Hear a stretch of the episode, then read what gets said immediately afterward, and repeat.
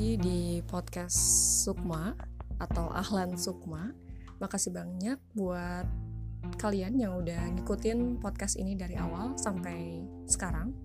Dan kali ini aku bakalan sharing seputar buku yang aku baca yang kebetulan juga diikutsertakan dalam sebuah tantangan membaca 22 hari membaca buku yang diselenggarakan oleh Forum Indonesia Muda dan juga sejumlah komunitas, salah satunya Salman Reading Corner. Nah, jadi buku yang aku baca ini judulnya adalah Seni Berbicara kepada siapa saja, kapan saja, di mana saja, yang ditulis oleh Larry King. Mungkin kalian yang sedang mendengarkan ini udah pernah baca bukunya atau nggak asing lagi dengan nama tokoh Larry King ya? Oke, langsung aja ya. Jadi aku bakalan mengawali cerita ini dengan sharing tentang apa yang aku dapatkan dari membaca di halaman awal di bab pertama sampai beberapa halaman ya. Nah, jadi buku Seni Berbicara dari Larry King ini dibuka dengan sebuah cerita pengalaman karir seorang Larry Zager alias Larry King yang memulai awal karirnya sebagai penyiar di sebuah stasiun radio di Miami Beach. Hmm, jadi kurang lebih sama lah ya, beririsan dengan apa yang sedang aku kerjakan saat ini juga.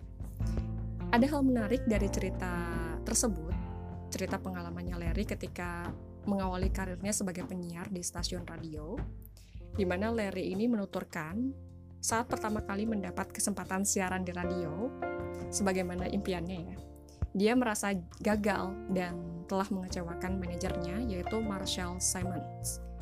Nah, di ruang siaran, si Larry King ini malah sibuk menaik turunkan volume musik yang telah dipersiapkan ya tanpa berkata apa pun. Jadi ya kebayang lah ya kalau ketika orang pertama kali siaran tuh ada rasa deg-degan, gugup gitu kan.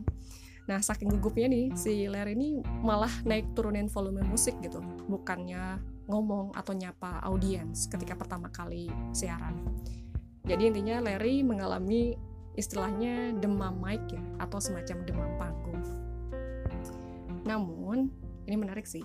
Gak berapa lama setelah sang manajer marah, ngomel, dan menendang pintu ruang kontrol sampai terbuka, si Larry ini segera memperbaiki kesalahannya.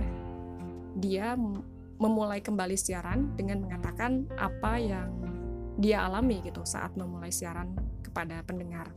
Jadi Larry menyapa audiens dulu, kemudian memperkenalkan diri, kemudian dia ceritakan pengalamannya dia ketika gugup uh, dan diomeli oleh manajernya Marcel Simmons.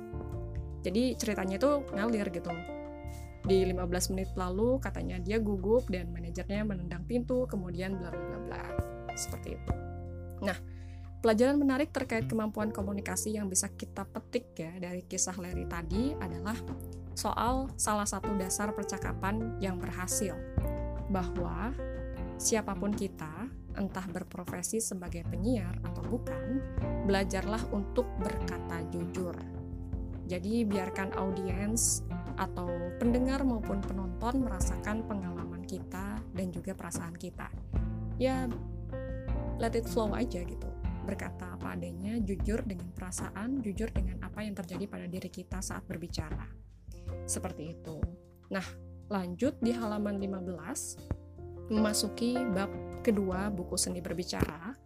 Di sini Larry King memberikan sejumlah kunci kepada para pembacanya soal bagaimana memecah kebekuan saat melakukan percakapan.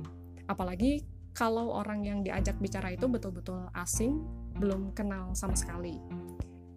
Ada poin penting dari pemaparan Larry di bab ini, di mana uh, dia menjelaskan atau mengatakan bahwa di mana saja Anda berada, entah lingkungannya sosial atau profesional, hal yang harus dilakukan dalam berbicara dengan orang-orang adalah membuat mereka nyaman dan mau melakukannya. Gitu kata pendapatnya Larry ya.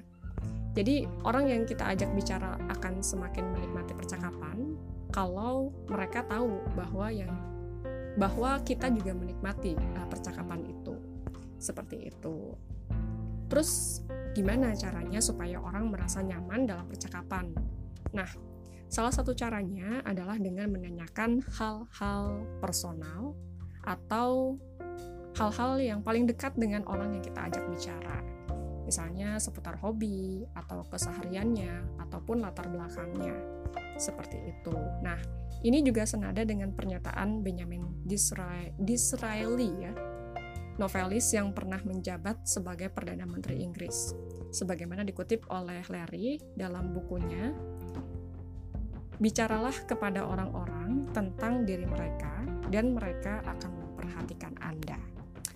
Nah, mungkin segitu dulu ya untuk cuap-cuap kali ini, random talk tentang buku yang aku baca, yaitu Seni Berbicara dari Larry King.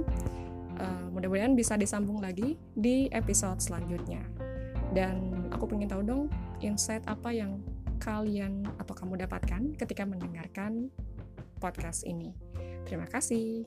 Sampai jumpa di podcast selanjutnya.